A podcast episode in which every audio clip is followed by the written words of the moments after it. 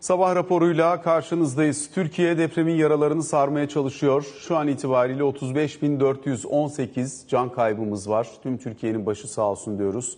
Yaralılarımıza acil şifalar diliyoruz. Özellikle bölgeli yaşanan gelişmeleri çok yakından izledik, takip ettik buradan sonra olabilecekleri, bundan sonra atılacak adımları konuşmak için e, bundan sonraki bütün yayınlarımızda biz de elimizden geleni yapmaya çalışacağız. Özellikle gün boyunca hem bölgeye yapacağımız bağlantılarla hem bu anlamda bizim kendi alanımız olan ekonomiye ve piyasanın işleyişine ilişkin alınan tedbirlerle birlikte elimizden geldiğince size gelişmeleri yansıtmaya çalışacağız. Dediğimiz gibi çok büyük bir can kaybı var. Türkiye tarihinin en büyük felaketlerinden bir tanesiyle karşı karşıyayız. Dolayısıyla yapılanlar, yapılmayanlar, ihmaller, doğru yapılanlarla birlikte artık yavaş yavaş herkes kendi muhasebesini yapma aşamasına gelmiş durumda. Biz de bundan sonra olabilecekleri ve bu noktaya kadar gelirken yapılmış olan hataların tekrarlanmasının önüne geçilebilmek için hangi adımların atılabileceğini konuşmaya çalışacağız.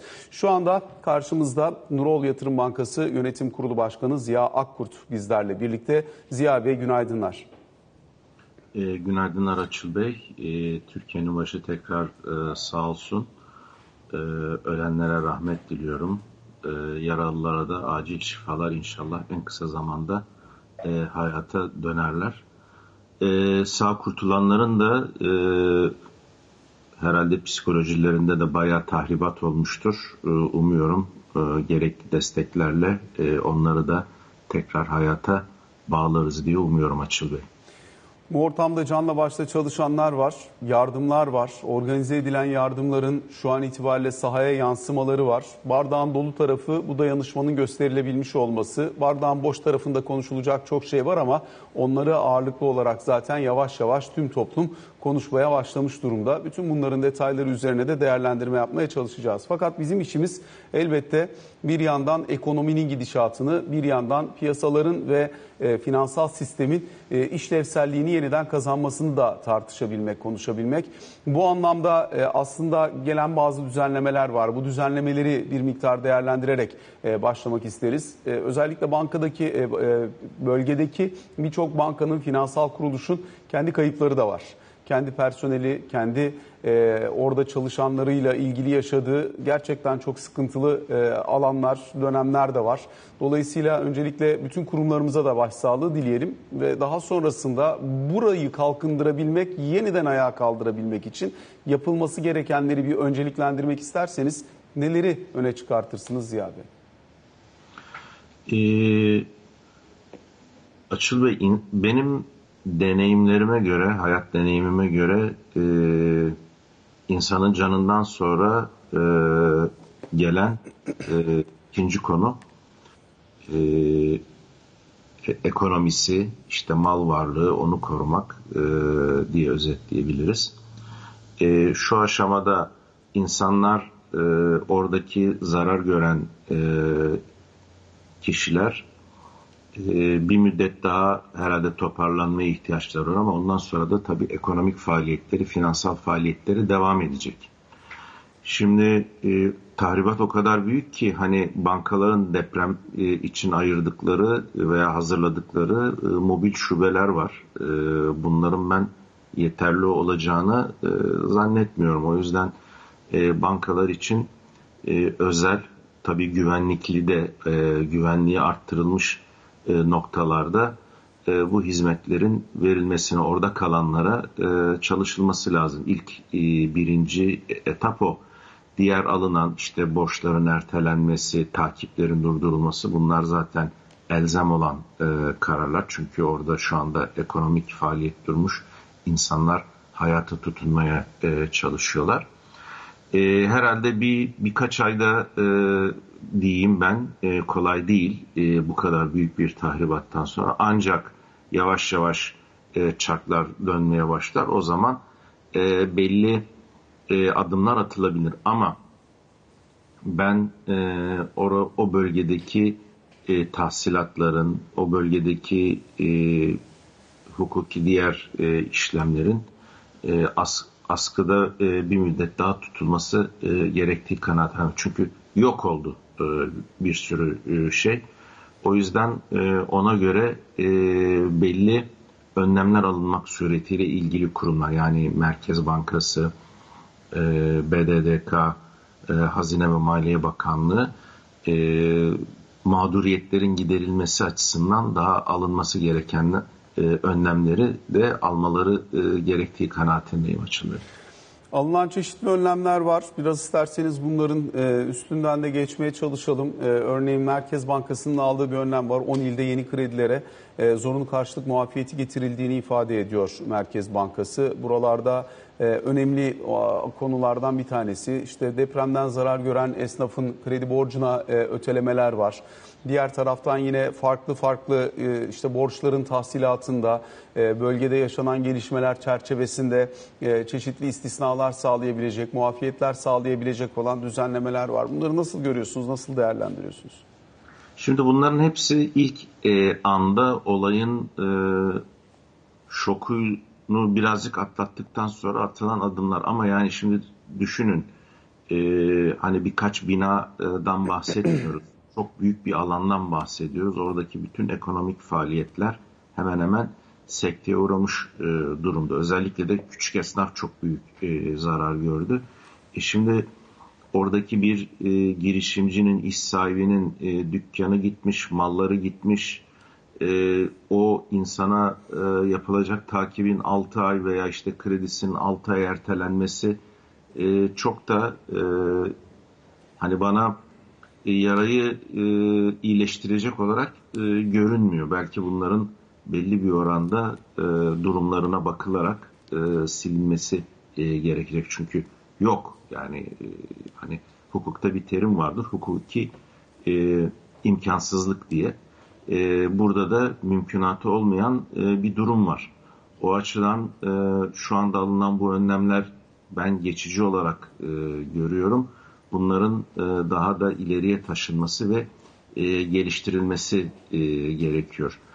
Şimdi bir çiftçi düşünün, ürünleri vardı depoda, belki onlar telef oldu, hayvanları vardı telef oldu, borcu var, nasıl ödeyecek hiçbir şey yok. Bütün varlığı bunlardı.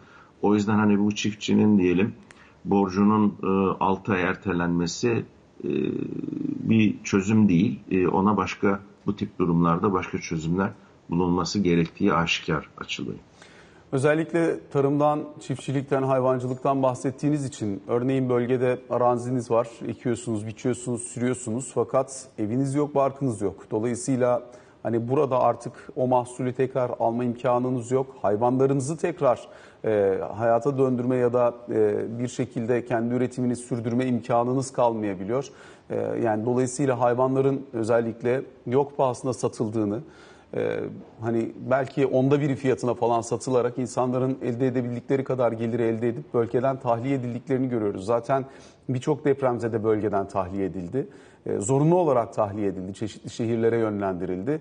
E, dolayısıyla hani bina, mal, mülk e, hani bu ayrı ama aynı zamanda tarlayı, çifti, hayvanı da kaybediyor insanlar. Bunları engelleyebilmek için hızlı bir çözüm metodu bulmak mümkün müdür örneğin? Çünkü hani bu şekilde de satıp gittiğinizde, satıp kaçmak zorunda kaldığınızda, gitmek zorunda kaldığınızda bunun da dönüşü olmayacak. Yani işte burada devlet baba dediğimiz konseptin devreye girmesi gereken, devletin yapması gereken şeyler var. Yani o çiftçilerin e, işte sağıp da e, veya hale sağamadıkları sütleri alıp, işte hayvanları alıp belli bir e, bedelden yani böyle onda birine tabii olmaması lazım. Bedelle alıp hem piyasayı korumak hem de mağdurların mağduriyetini arttırmamak açısından devreye girmesi gereken noktadır. Yani bu e, çok elzem bir konudur. E, maalesef e, onda bir fiyatını alan kişilere, tüccarlara yani burada insanların hayatının söz konusu olduğu bir mağduriyette fırsatçılık yapanları da buradan ekranlarınızdan da lanetliyorum yani bu kadar kansızlık olmaz insanların sıra kazananların e, bu şekilde davranmaları e, hakikaten içler acısı. e, izin verilmesi gerektiği kanaatindeyim açılıyor. Yine dün itibariyle Cumhurbaşkanı Erdoğan'ın açıklaması var. Bankaların karlarının e, bir bölümünün ki yaklaşık 50 milyar liralık bir kısmından bahsediyor. E, bu e, çerçevede depremzedeler için ayrılacağını da ifade ediyor. Dolayısıyla bunun için söylersiniz? 400 milyar liranın üzerine bir kar birikimi vardı bankalarda. Bunun 50 milyar liralık kısmının depremzedelere yönlendirileceği söyleniyor. Ee, olabilir. Ee, belli ki bu konuda e, talep gitmiş bankalarda buna e, kayıtsız e, kalamazlar. E, ben hani deprem olmasaydı da bankaların bu e, yüksek gibi görünen karlarıyla ilgili e, benzeri e, taleplerin e, gideceği hususunda beklentim vardı. İşte bu e, konuda da e, zaten bu harekete e, geçmiş oldu. E, burada tabii e, alınması gereken e, birçok e, önlemler var. Yani bütçedeki kaynakların daha fazla bu bölgeye aktarılması söz konusu olması lazım. Bazı çok elzem olmayan yatırımların durdurulması bence bir müddet e, gerekiyor. O açıdan bütün kaynakların, bütün eforların bu bölge olması e, kanaatindeyim. Bu tabii e, gelecek e, yurt içinden e, finansal yardımlar, parasal yardımlar, yurt dışından gelecek parasal yardımlar e, biraz da belki bu aşamadan sonra biraz daha aynı yardımlar e, gelebilir bazı konularda. Onları da hepsini e, birleştirip el birliğiyle bizim bu deprem bölgesini ayağa kaldırmamız, yaralarımızı bir an önce e, sarmamız e, gerekecek. Gerekecek. Tabii oradaki demografik e, yapıyı da çok iyi e, korumamız e, gerekiyor. Bu konuda e, maalesef zaman zaman e, biraz e, bizleri telaşa düşürecek e, bazı bölgelerle ilgili işte muhtelif Fısıltı gazetesinde e, yayınlar var e, diyeyim. Buna da e, dikkat etmek, e, göz önünde bulundurmak gerekiyor açılıyor. Peki Ziya Bey şimdi bu şehirlerin yeniden imarı, belki taşınması farklı farklı alanlara, fay hatlarından uzak yerlere, daha sağlam zeminlere yeniden inşası söz konusu olacak. Burada nasıl bir kaynak paylaşımı, burada nasıl bir kaynakla hareket edilmesi gerekir? Çünkü ya bu bir yeniden imar seferberliği ihtiyacını çok açık ve net bir şekilde ortaya koyuyor. İmar barışı lafını herhalde bundan sonra hiç kimse ağzına dahi alabilecek durumda değildir. Ee, biz daha önceki dönemlerde de bunu görmüştük ama 2018'de çıktı mesela imar barışı. Bilmiyoruz bölgede yıkılan binaların ne kadar imar barışıyla geldi ama sonuçta hemen hemen herkesi çok zorlayan bir süreçle karşı karşıyayız. Bu şehirlerden, bu şehirlerin yeniden imarı, yeniden inşası için Türkiye bu kaynağı nasıl yaratabilir? Şu an konuşulanlar çünkü var olan yaraların sarılması için ancak yeterli gibi görünüyor. Dolayısıyla buraların hayata dönebilmesi, yaşantının normalleşebilmesi ne kadar olacaksa bu travmadan sonra e, bunun için de devletin bir planlama yaparak hareket etmesi gerekecek herhalde. E, doğrudur. E, bu çok büyük bir alana yayılmış, çok büyük bir nüfusu da e, etkiliyor. E, o açıdan e, bu imar konusu çok önemli. Yalnız burada bir parantez açayım. Şu anda e, tabii çok gündeme gelmiyor ama bu molozlar aynı zamanda bir çevre felaketine bile yol açabilecek nitelikte bir konu.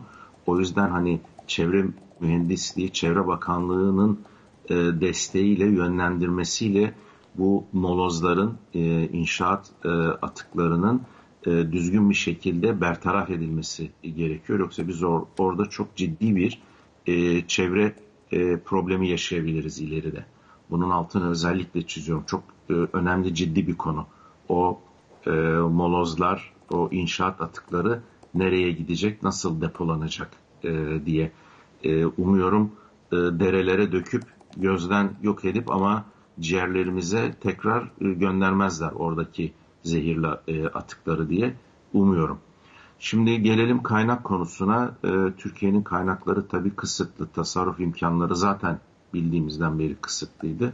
O açıdan e, ya çok uzun bir süreye yayılacak ki bunları buna insanların ne kadar e, gücü dayanabilir o olabilir ya da e, özellikle başta Dünya Bankası olmak üzere belli uluslararası finans kuruluşlarından alınacak e, çok uzun vadeli e, kredilerle bir kısmı hibe niteliğinde e, buranın e, imarı e, söz konusu olacaktır. Burada Avrupa fonları, Birleşmiş Milletler fonları ve haliyle Dünya Bankası var.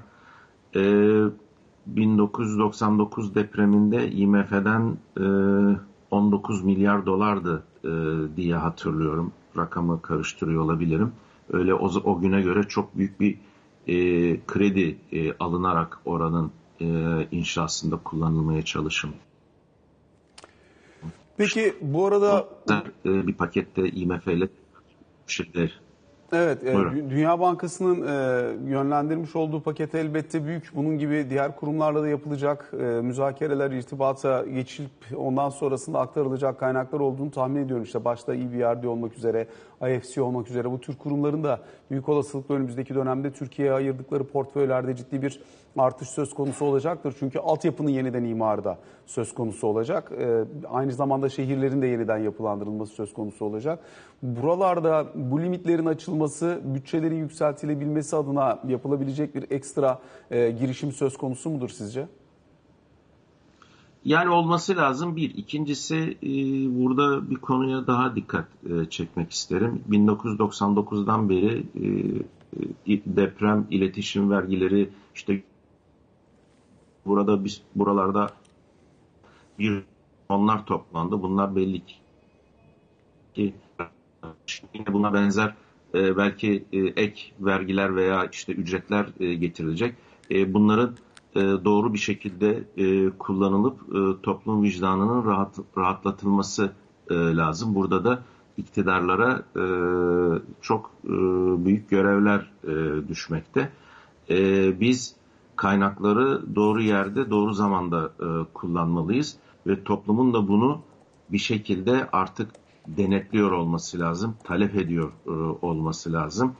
Yoksa işte e, 1999'dan bugüne kadar neredeyse bu iletişim vergilerinden yaklaşık 32-33 milyar doların toplanmış olması gerektiği söyleniyor. E, bu paralar nerelerde e, kullanıldı? E, tamam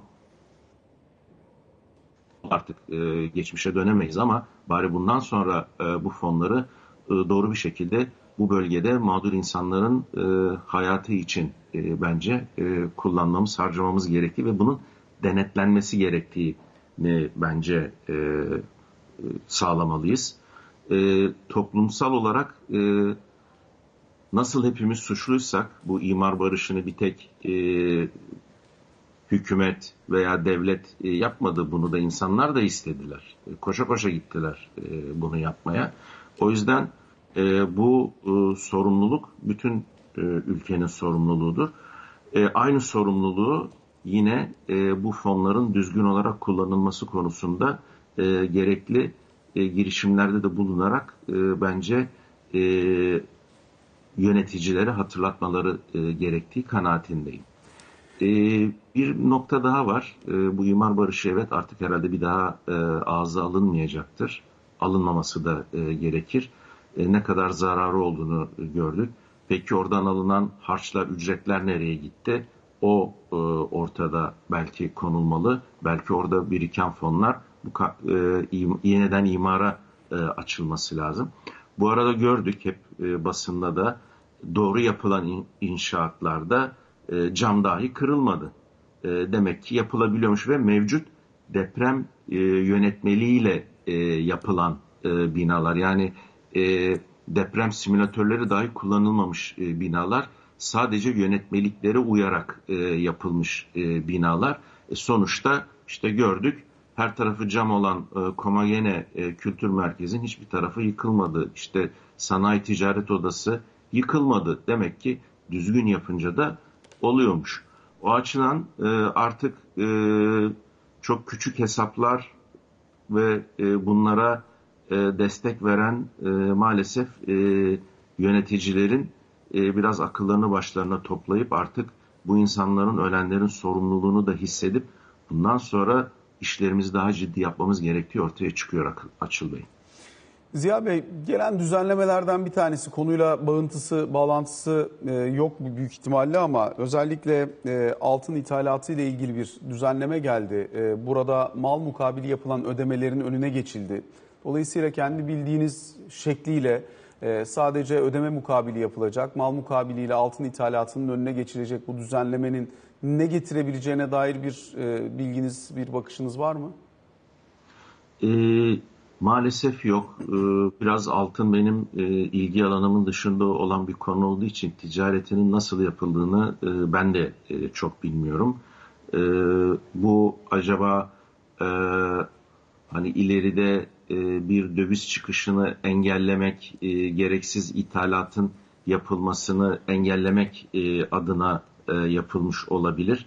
Belli bir kontrol sağlamak için getirilen bir önlem olarak ben düşünüyorum. Yani altın ithalatı Türkiye'nin özellikle cari açı içerisinde önemli yer tutan unsurlardan bir tanesi olduğu için büyük olasılıkla bunu engelleyebilmek adına atılmış bir adım ama ee, öğrendikten sonra biraz daha detayını öğrendikten sonra sizinle belki üzerine bir kez daha değerlendirme yapabiliriz. Borsayı da soracağım. E, işimiz gereği bunları konuşuyoruz. Onu da hatırlatalım. Hakikaten insan izlediklerinden sonra, yaşadıklarından sonra bunu konuşurken utanıyor. E, ama yapacak bir şey yok çünkü işimiz de bu. O yüzden e, çok da tartışıldığı için bugün itibariyle Borsa İstanbul işlemlere başlıyor. Borsa İstanbul e, ilk iki buçuk gün açık kaldı. Hatta çarşamba günü sadece 15 dakika açık kalıp %7 kadar düştü. Çok ciddi bir piyasa değeri kaybı oldu. Ee, daha sonrasında çarşamba günü yapılan işlemler iptal edildi Borsa İstanbul tarafından. Ee, fakat hem pazartesi hem salı günü yapılan işlemler kaldı. Çünkü zaten çarşamba borsayı açınca pazartesi yapılmış işlemlerin takası başlamıştı. Dolayısıyla bunu geri alma imkanı yoktu. Salı günü borsa açıktı, işlem hacmi yüksekti fakat burada da birden fazla alım satım yapıldığında bunların takasının, emirlerinin hepsinin iptalinin e, fiili olarak çok mümkün olmadığı konuşuldu. Dolayısıyla sadece çarşamba iptal oldu. Sonrasında tabii bu kadar borsa düşüşü yaklaşık 4 milyon yatırımcı var. E, işte borsadaki yatırımcıların kabaca %10'luk bölümü e, depremden etkilenen bölgede yaşıyor. Dolayısıyla buralardaki eşitsizlik de dikkate alınarak bazı önlemlerle bugün borsa açılacak. Getirilen önlemlerin içerisinde algoritmaların hızlarının düşürülmesi var ki özellikle salı günkü işlemlerde e, çok ciddi anlamda tek bir aracı kurum üzerinden gelen algoritmik işlemlerle gelen satışın çok belirleyici olduğunu gözlemlemiştik. Algoritmaların hızının düşürülmesi var bir. Bunun haricinde açığa satışın sınırlandırılması, Aynı zamanda yine önümüzdeki döneme ilişkin e, Viyop tarafında e, atılacak olan adımların yapılacak olan pozisyonlanmanın belli sınırlamalara ve kısıtlamalara tabi tutulması gibi unsurlar var. Borsada başından bu yana olup bitenleri nasıl görüyorsunuz, nasıl değerlendiriyorsunuz Ziya Bey? Ee, yani depremin çok büyük olduğu pazartesi günü öğle saatlerine doğru en geç hani ayan beyan ortaya çıkmıştı etkilediği alan olarak. E, ben hani e, sizinle de o gün herhalde son sabah e, e, programıydı sizinle yaptığımız bir haftadır işte ilk defa yine be, beraber yapıyoruz. E, o gün durdurulması gereken bir konuydu. Yani bunu tekrar tekrar ben o gün geçen çarşamba son programda da konuşmuştuk sizinle. Hemen durdurulması gereken bir şeydi çok büyük haksızlıklar e, bence oldu. Artık yine e, imkansızlıklar nedeniyle geriye dönüş olmuyor. Şimdi alınan önlemler e, evet ama ben e, enkaz çalışmaları daha yeni bittiği için artık e, sanki hayata dönülmüş, her şey normale dönmüş gibi düşünülüyor. Ben de e, diğer e, bazı yorumcular, diğer bazı o, e, borsada işlem yapan insanlar e, gibi bunun en azından e, ayın 20'sine kadar e, uzatılması gerektiği kanaatindeydim. Bugün açıldı.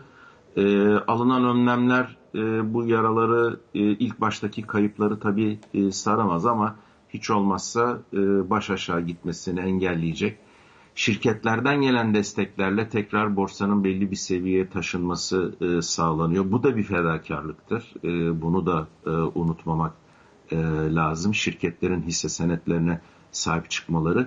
Bunu da BDDK ve Merkez Bankası'nın aldığı önlemler, SPK'nın duyurularıyla desteklemeleri de e, takdire şayandır. E, böyle durumlarda e, yaratıcı çözümler e, gelebiliyor. Umuyorum e, bu bölgede yaşayan, e, o bölgede olup da aslında belki hesapları e, batıda olan, depremden zarar görmeyen yerde olan e, insanların, yatırımcıların e, hiç olmazsa e, varlıklarının bir nebze korunması sağlanır diye e, umut ediyorum açılıyor.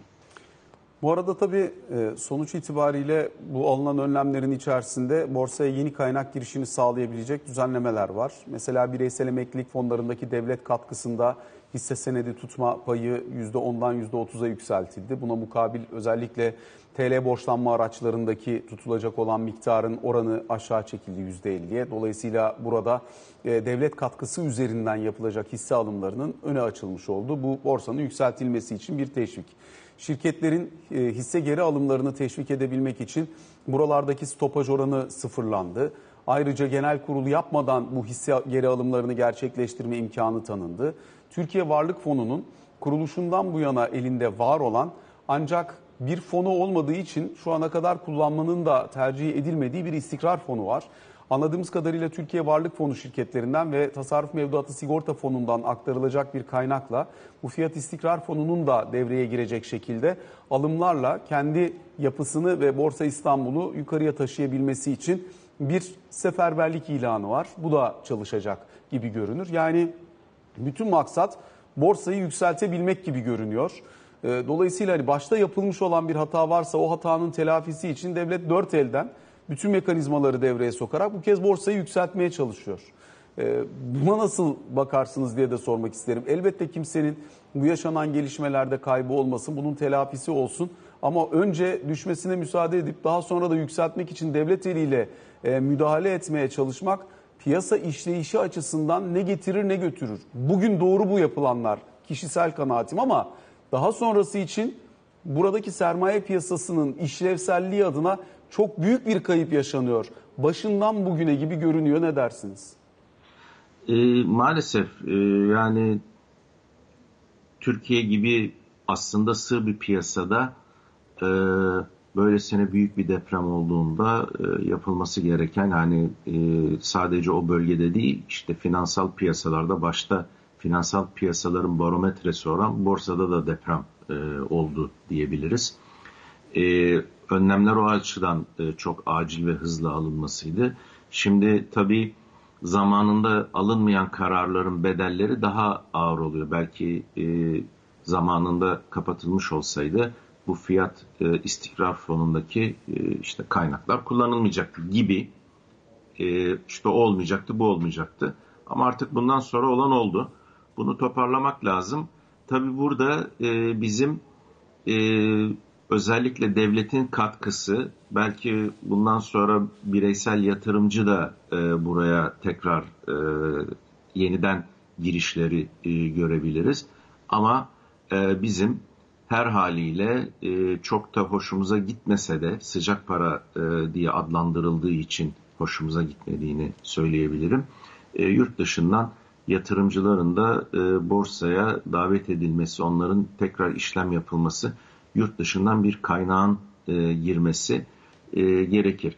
Ben şöyle yorumluyorum, özellikle bu e, deprem bölgesinin imarı ve kalkındırılmasıyla ilgili uluslararası kuruluşlarla yapılacak e, görüşmeler, yapılacak anlaşmalar e, ve onların gidişatına göre e, büyük bir ihtimalle e, yurt dışındaki yatırımcılar da o görüşmelerin, o e, alınan, birlikte alınan önlemler çerçevesinde gelişmelere göre e, Türk e, İstanbul borsasına e, girişlerini e, hızlandırabilirler, daha ciddiye alabilirler. O yüzden bu uluslararası kuruluşlarla olan e, ilişkiler e, ilerisi için e, çok önem e, arz ediyor. Bunun da altını kalın kalın çizmek isterim açılıyor. Ziya Bey teşekkür ediyoruz. Bu sabah bizlerle birlikte olduğunuz, sorularımızı yanıtladığınız için kısa bir aramız var. Sonrasında Ali Can Türkoğlu ile karşınızda olacağız.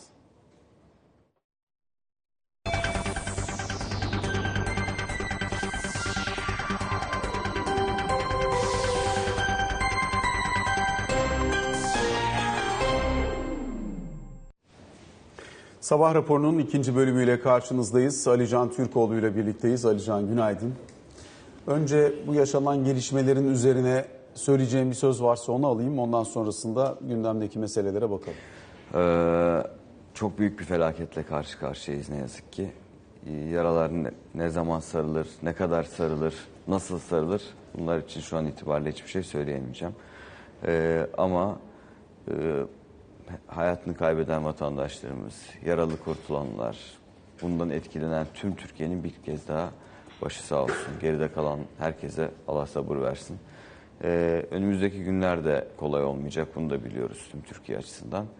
Ancak işte bu yaraların bir an önce sarılması, e, hayat hayatta kalanların hayatlarına devam edebilmeleri için tüm imkanların sağlanması için umarım e, en kısa zamanda gereken her şey yapılır. Bu arada halen e, bölgede çalışan tüm yetkililere işte AFAD'ından Kızılay'ına, Ahbap'ından e, AKUT'una, İhtiyaç haritasına. e, tüm sivil toplum kuruluşlarına, bölgedeki tüm belediyelere, işte itfaiye çalışanlarına, tüm maden işçilerine, e, diğer ülkelerden gelen arama kurtarma ekiplerinin tamamına, vatandaşlara, e, gidemese bile oraya e, elinden gelen yardımı yapmaya çalışan herkese bir kez daha e, çok teşekkür ediyoruz.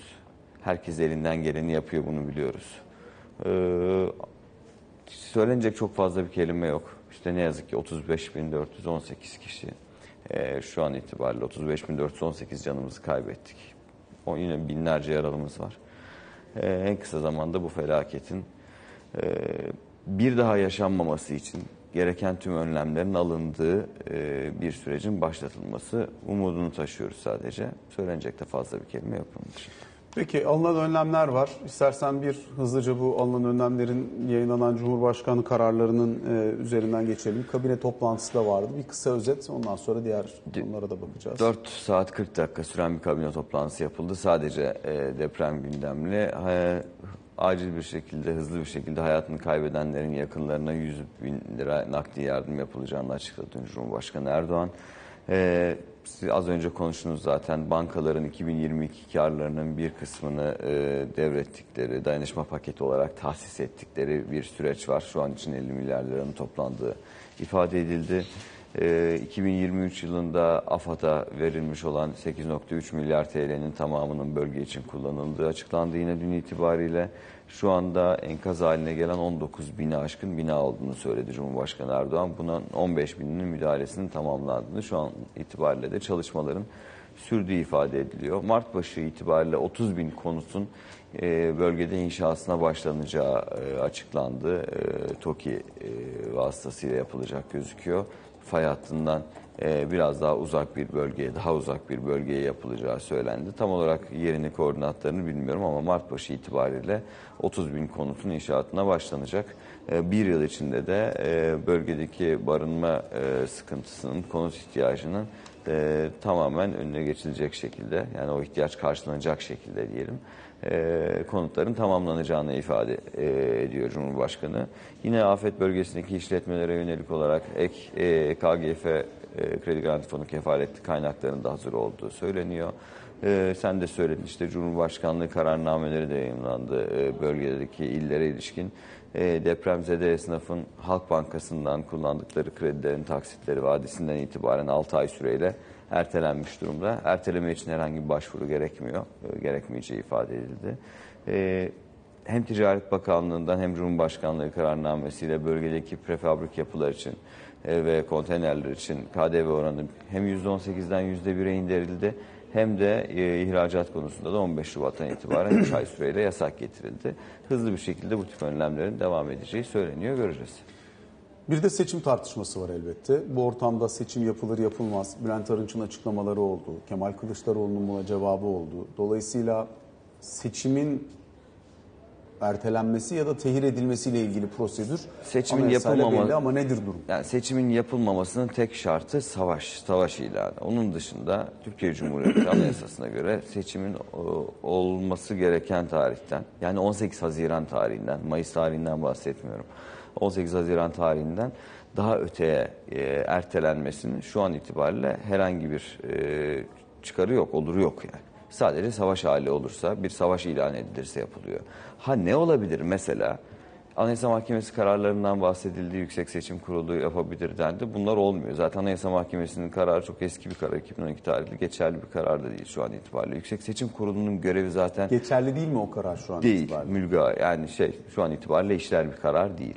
Yüksek Seçim Kurulu'nun e, deprem sebebiyle seçimin yapılmayacağına, yapılamayacağına ilişkin bir karar açıklaması Yüksek Seçim Kurulu'nun yetkisinde değil. YSK'nın yetkisi seçimin yapılmasıyla ilgili. E, ne olabilir? Yani ne olursa daha doğrusu e, seçim ertelenebilir.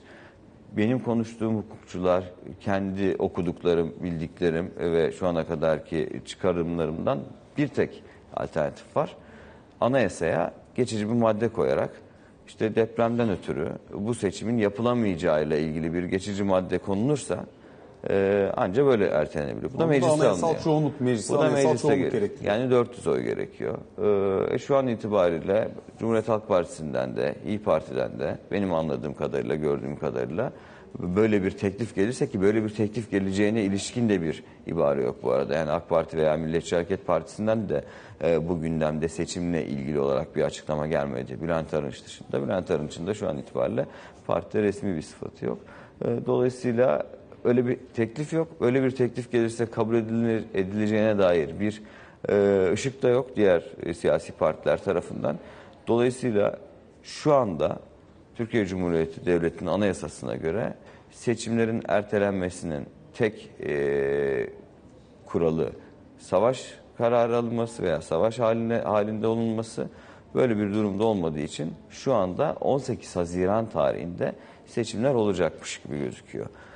Mayıs'a alınması için 14 Mayıs tarihine alınacağı ko- konuşuluyordu e, bu felaket öncesi. Bunun için de zaten Mart ayında 10 Mart'ta Cumhurbaşkanı'nın bir açıklama yapması bekleniyordu. O açıklama gelir mi gelmez mi onu bilemiyoruz.